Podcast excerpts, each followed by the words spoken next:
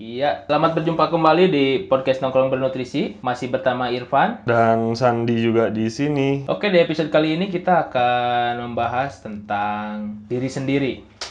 Maka dari itu, untuk episode ini kita akan ngasihnya judulnya itu Knowing Yourself. Ya, atau mengenali, mengetahui diri kita ini siapa sebenarnya tuh. Siapa kita? Seseorang dengan nama Nggak, Apa- nggak. apakah label itu nama kita cukup mewakili siapa kita? Apakah baju ataupun apa pun yang dikenakan di diri kita membuat identitas kita? Atau apa yang sering kita publish di media sosial itu mewakili siapa kita? Oh, maka dari itu kita cari siapa kita sebenarnya. Ya, dengan analisis sederhana, dengan ya sudut pandang sudut, sudut pandang sederhana kita coba sedikit bedah sebenarnya siapa kita. Oke, yang pertama nih kita mulai dulu dari kata-kata sederhana seperti biasa, yaitu tidak ada manusia yang sempurna. Tiap-tiap manusia itu spesial dan spesifik. Hmm. Mantap, mantap, mantap. Spesial ini Gimana nih spesialnya gimana? Eh, ya mungkin kalau buat teman-teman yang suka main game pasti tahu lah ya. Misalkan kita main FIFA, kiper berarti Casillas. Casillas itu cuma bisa jadi kiper gitu untuk dalam sebuah game. Ah, Dia itu akan jelek ketika jadi striker. ya. Meskipun ada tipikal-tipikal pemain gelandang itu biasanya bisa berotasi. Ya. Tapi kalau misalkan penyerang seperti Ruud van Nistelrooy, kalau dia dijadiin back, mungkin akan Kasih- jelek gitu. kasihan dia ya. yang gini-gini mungkin yang kita sebut spesial dan spesifik. Ya, ketika dibilang spesial mungkin dalam artian eh, sebenarnya setiap orang itu harus bisa ngelakuin banyak hal ya, Nah, tapi nggak perlu jago di semua hal. memang kita hanya jago ya dalam beberapa bidang lah ya. Soalnya pada hakikatnya manusia kan butuh manusia yang lain. Ya, untuk melengkapi tadi sebenarnya. Dan sama aja kita bangun rumah ke arsitek sama tukang bangunan.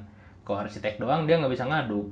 Ya, Kalau tukang bangunan doang dia nggak bisa desain. desainnya. Mungkin nggak bukan nggak bisa, kurang pantas lah. Kalau Iya. arsitek itu lebih ke jendela di mana, arah cahaya dari mana, Akan ventilasi. lebih layak untuk memberikan statement mungkin ya, Ya. ketika spesial. Sama kayak ini nih rumah kontrakan gua nih, ternyata tingginya tuh 4 meter sob. Hmm. tinggi ke plafonnya. Bagus untuk sirkulasi udara. Cuman sayangnya ini PR sepele. Kalau gue mau ganti lampu itu jadi nggak nyampe. Iya, jadi tinggi ya posisinya. tinggi banget itu ya ampun. Sampai akhirnya gak gue ganti soalnya emang susah. Yang gini-gini mungkin akan bagus kalau ketika desainannya tuh ah plafonnya 3 meter aja karena tinggi orang tuh paling semeter 70 terus dipakai bangku pakai kursi nyampe itulah mungkin sedikitnya Iya, mungkin beberapa gambaran kecilnya lah ya. Jadi ketika tadi dibilang spesial gitu kan, ya balik lagi kalau satu pegangan gue adalah kita sebagai yang apa sebagai cowok gitu kan, Hmm. dari sudut pandang cowok ya harus bisa ngelakuin banyak hal gitu. Kenapa dianggap cowok kan kita beneran cowok? Iya, maksudnya biar yang lain tahu bahwa sudut pandangnya Oh. sudut pandang kita dari Iya, cowok benar. gitu bahwa ya kita harus bisa ngelakuin banyak hal gitu. Ya termasuk jadi tukang bangunan, Tukang bangunan, tukang kadang- listrik, tukang paralon. Ya, tapi kita harus sadar diri juga gitu Ah. bahwa nggak perlu bisa semua hal. Ya karena ya zaman sekarang lah ya masih banyak orang-orang lain yang divendorkan Iya, tapi kita harus punya speciality di sesuatu bidang. Nah, jadi itu akan lebih mengenali siapa kita gitu kan. Hmm. Karena di situ kapasitas kita. Berarti nih hmm, kita harus kenali diri sendiri dari aspek apa aja kira-kira ya? Ya, beberapa hal yang sebenarnya bisa jadi sudut pandang sederhana untuk kita tarik Mhm. untuk jadi tadi variabel-variabel mungkin ya Oh, untuk iya. mengenali diri kita siapa. Komponen-komponennya nih pertama bisa kita mulai dari pendidikan.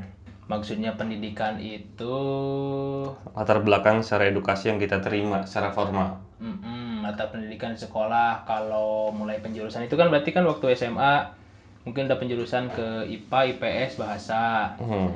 Lalu kita lebih spesifik lagi pada saat kita kuliah makin terperinci sebetulnya. Ya, makin mengerucut lah arahnya ke mana. Selain itu kan itu dari yang pertama pendidikan. Pas kita milih jurusan pas kuliah juga kayaknya kan udah mulai mikir-mikir nih. Ah, gua mah nggak bisa ngitung. Hmm. Gua kurang-kurangin eh pilihan-pilihan untuk mata kuliah yang hitung berarti cari ke bahasa atau ke biologi yang tidak terlalu menghitung. Tapi kalau misalkan ada orang yang susah menghafal, mungkin dia lebih logis orangnya. Nah, bisa baru ke yang hitungan, ke matematika, ke ekonomi, ke teknik mungkin, terutama komputer yang memang butuh Programmer logika. lah ya. Programmer tuh itu logikanya bagus bagus soalnya mereka belajar biner yang angkanya cuma 0 sampai sama satu doang Yep. Itu butuh logika tingkat tinggi lah ya selain itu kita juga harus mengenali diri kita sendiri dari aspek personal Ya, atau sikap kita sih sebenarnya. personality misalkan kita orangnya cuek Hmm. atau Kita baperan. baperan iya bisa benar atau kita orangnya terlalu detailing? Perfeksionis lah ya. ah perfeksionis. Itu tuh ngaruh sebenarnya nantinya ke bidang pekerjaan yang kita tekuni. Oke kalau kalian suka baca-baca tentang loker lowongan kerja dibutuhkan yang teliti. Yang Hmm. ini yang ini. Ya memang itu personal kita. Makanya kita harus tahu personality kita tuh apa sih gitu. Ya, bahkan salah satu fungsinya psikotes ya ya. Atau TPA juga di ketika kita diproses akan bekerja atau seleksi karyawan di sebuah perusahaan, aha. ya tujuannya untuk cari tahu siapa kita. Iya, soal-soal TPA itu mengandung makna masing-masing sob sebenarnya Mm-mm. kalau kalian cari tahu. Ya walaupun dengan kemasannya yang mungkin seperti itulah ya. Kita tahu sendiri bahwa TPA kadang diukur dari cara gambar pohon, Ya, kadang diukur dari ngitung koran. atau menebak-nebak pola yang itu Ya. kan berarti logis yang main. Tapi goals dari mereka arahnya adalah ya kurang lebih ya sedikit banyaknya menurut gue untuk mengukur seperti apa sikap dan personality kita. Ya. Selain itu, kenali dari eh untuk mengenali diri sendiri juga bisa dari aspek atau komponen minat dan bakat. Kalau zaman sekolah, ini lebih ke kayak ekstrakurikuler. Hmm. Kalau untuk dunia kita sekarang, ini berarti bisa minat dan bakat itu mungkin lebih ke hobi Ya. atau kesukaan dari misalkan sukanya olahraga. Olahraga kan banyak tuh, indoor, outdoor. Hmm. Mau yang pakai bola atau yang enggak atau minat dan bakat terhadap otomotif, seni atau apa pun ini juga Iya, termasuk telusur. di olahraga juga kan ada beberapa hal yang jadi pembeda gitu. Ada orang yang senang berolahraga Aha, tidak bersinggungan fisik. ada Contohnya volley, badminton. Tapi ada nih orang gitu yang gue gak mau olahraga tanpa singgungan fisik. Ya dia mainnya basket, Taekwondo. karate, futsal. Mungkin di situ ada ada ngalin sendiri gitu. Bener. Ah, gua mah malas cedera katanya. Mending gua yang biasa-biasa aja. Yang dipisahin net ya. Eh, badminton mainnya single, jadi jatuh-jatuh sendiri ya kan? Mm. Nggak ada nyala-nyalain orang. Tapi ada yang singgungan fisik dan aman. Apa tuh? Catur. Kuda makan orang ya kan? iya, kuda ngadepin benteng.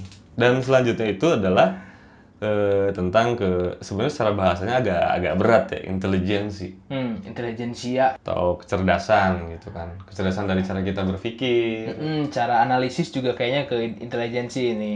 Iya, karena banyak hal yang bisa kita bedah dari intelijensi, men. Apa aja tuh kira-kira? Kurang lebih kayak tadi ketika kita bilang bahwa dari intelijensi kita bisa ngukur cara kita berpikir, Ya, cara kita cara kita ngerespon pembicaraan dengan orang lain. Kalau ini kayaknya macam tes IQ gitu ya? Iya, karena gini, secara fenomena nyata gitu kan, Aha. ini berhubungan dengan personality atau sikap. Oh, nyambungnya ke situ dari Ah. intelijen itu. Jadi misal gini, satu waktu kita nongkrong di satu tempat, Aha. di situ ada tiga orang yang kita kenal. Aha. Terus untuk bisa nyambung ke obrolan itu, Iya, satu butuh sikap kita yang terbuka satu. ah, dan etika kita yang baik lah ya. Ya, Dan keduanya itu butuh kecerdasan. jangan-jangan nih orang nggak nyambung gitu. Iya, gimana caranya dengan waktu sepersekian detik kita harus bisa masuk ke obrolan orang-orang.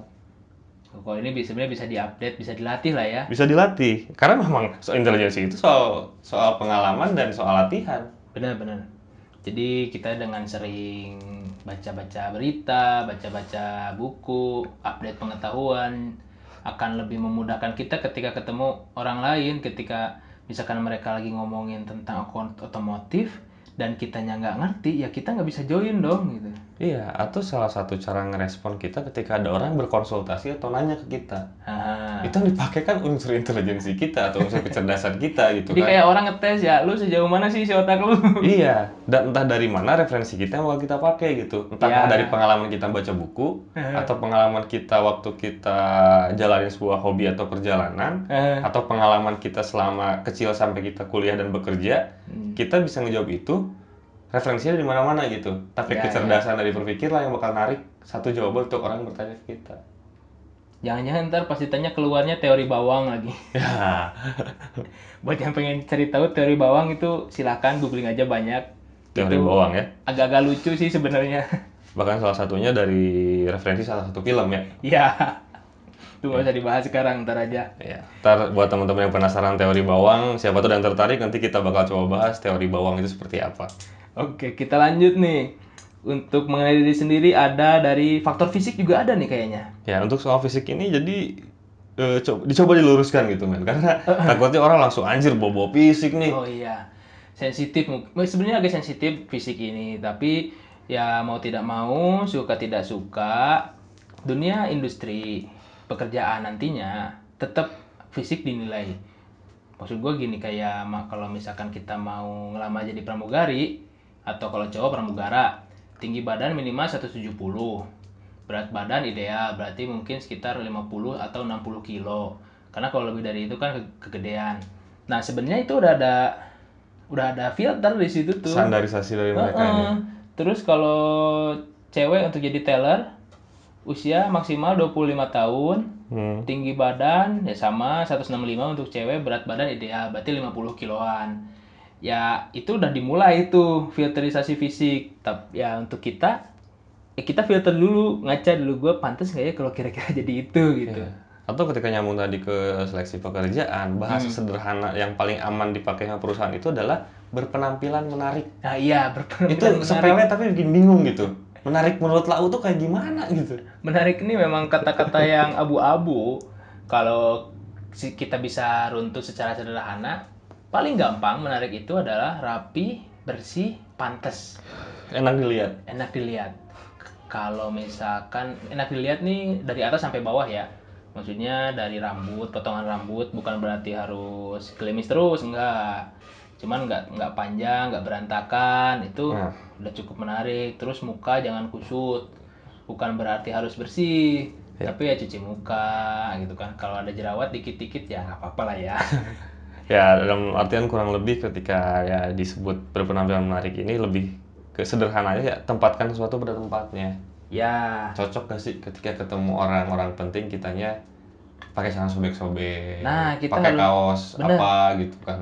mungkin kita harus mencoba ini apa? Lawan bicara kita siapa? Nanti kita akan menyesuaikan dari Betul. atasan sampai bawahan mungkin sampai sepatu lah ya bisa dari jadi pertimbangan. Hmm.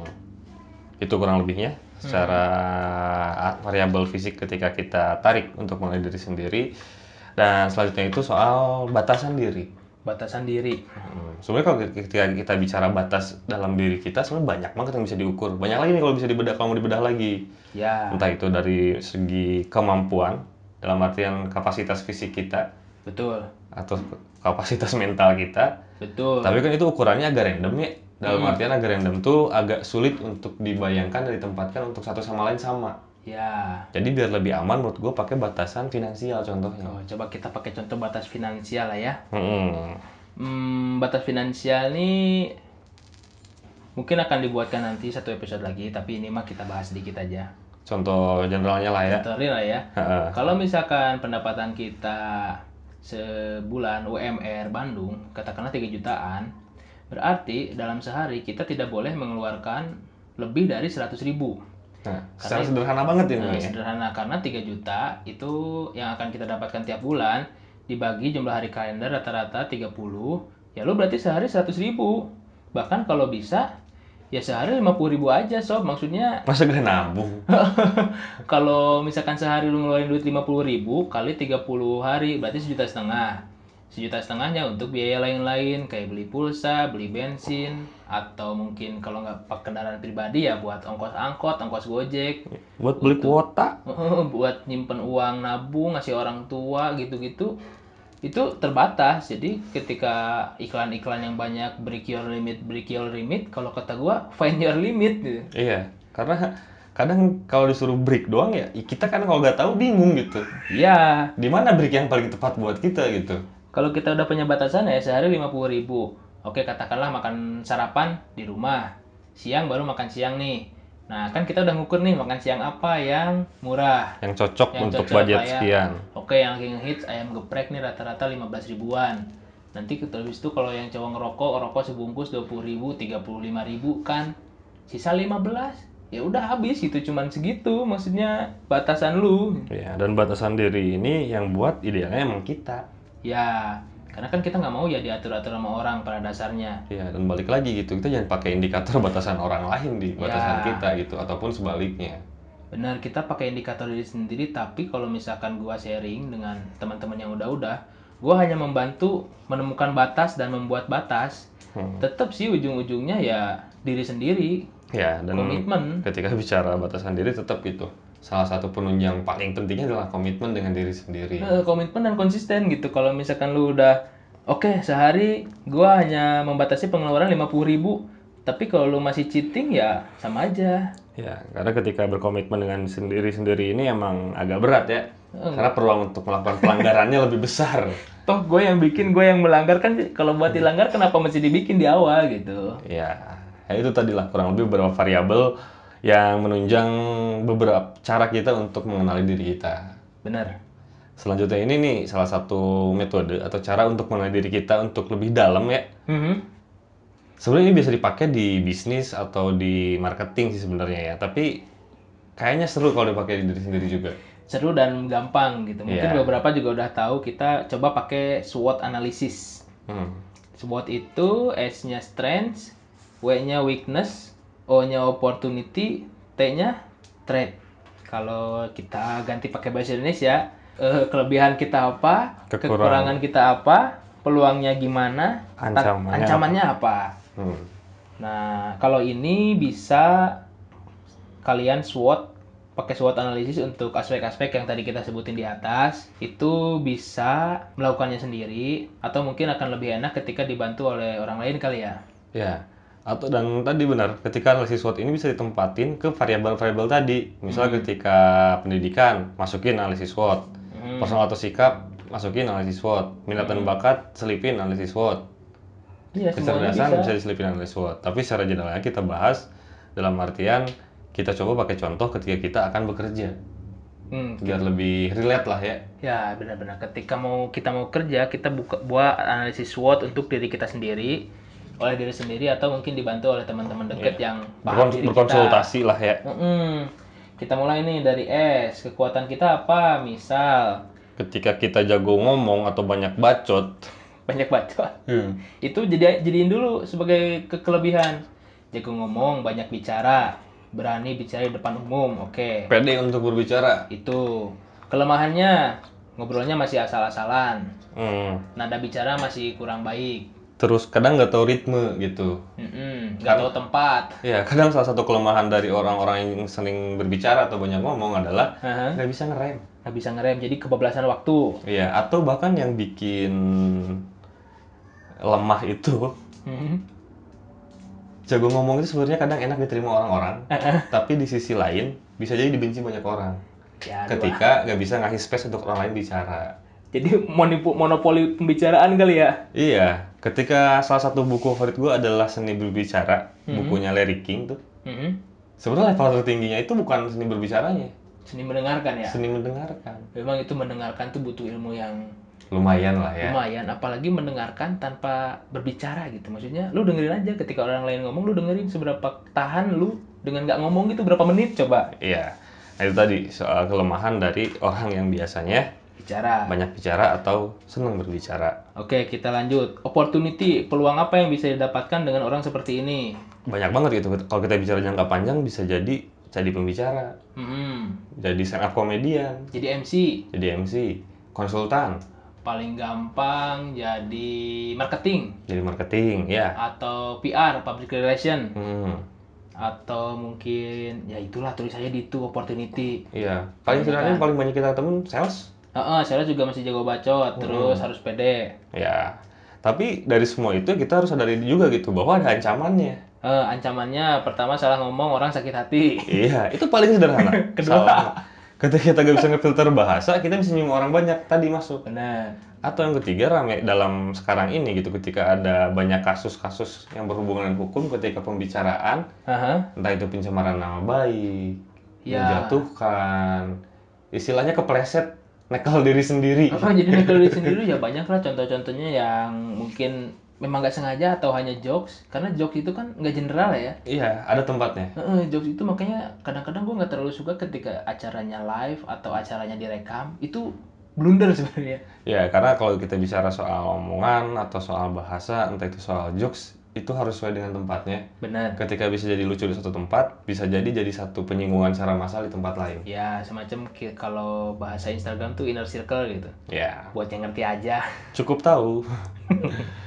ya, nah tadi dari semua bahasan sederhana tadi, sebenarnya arahnya ke mana sih nih, men?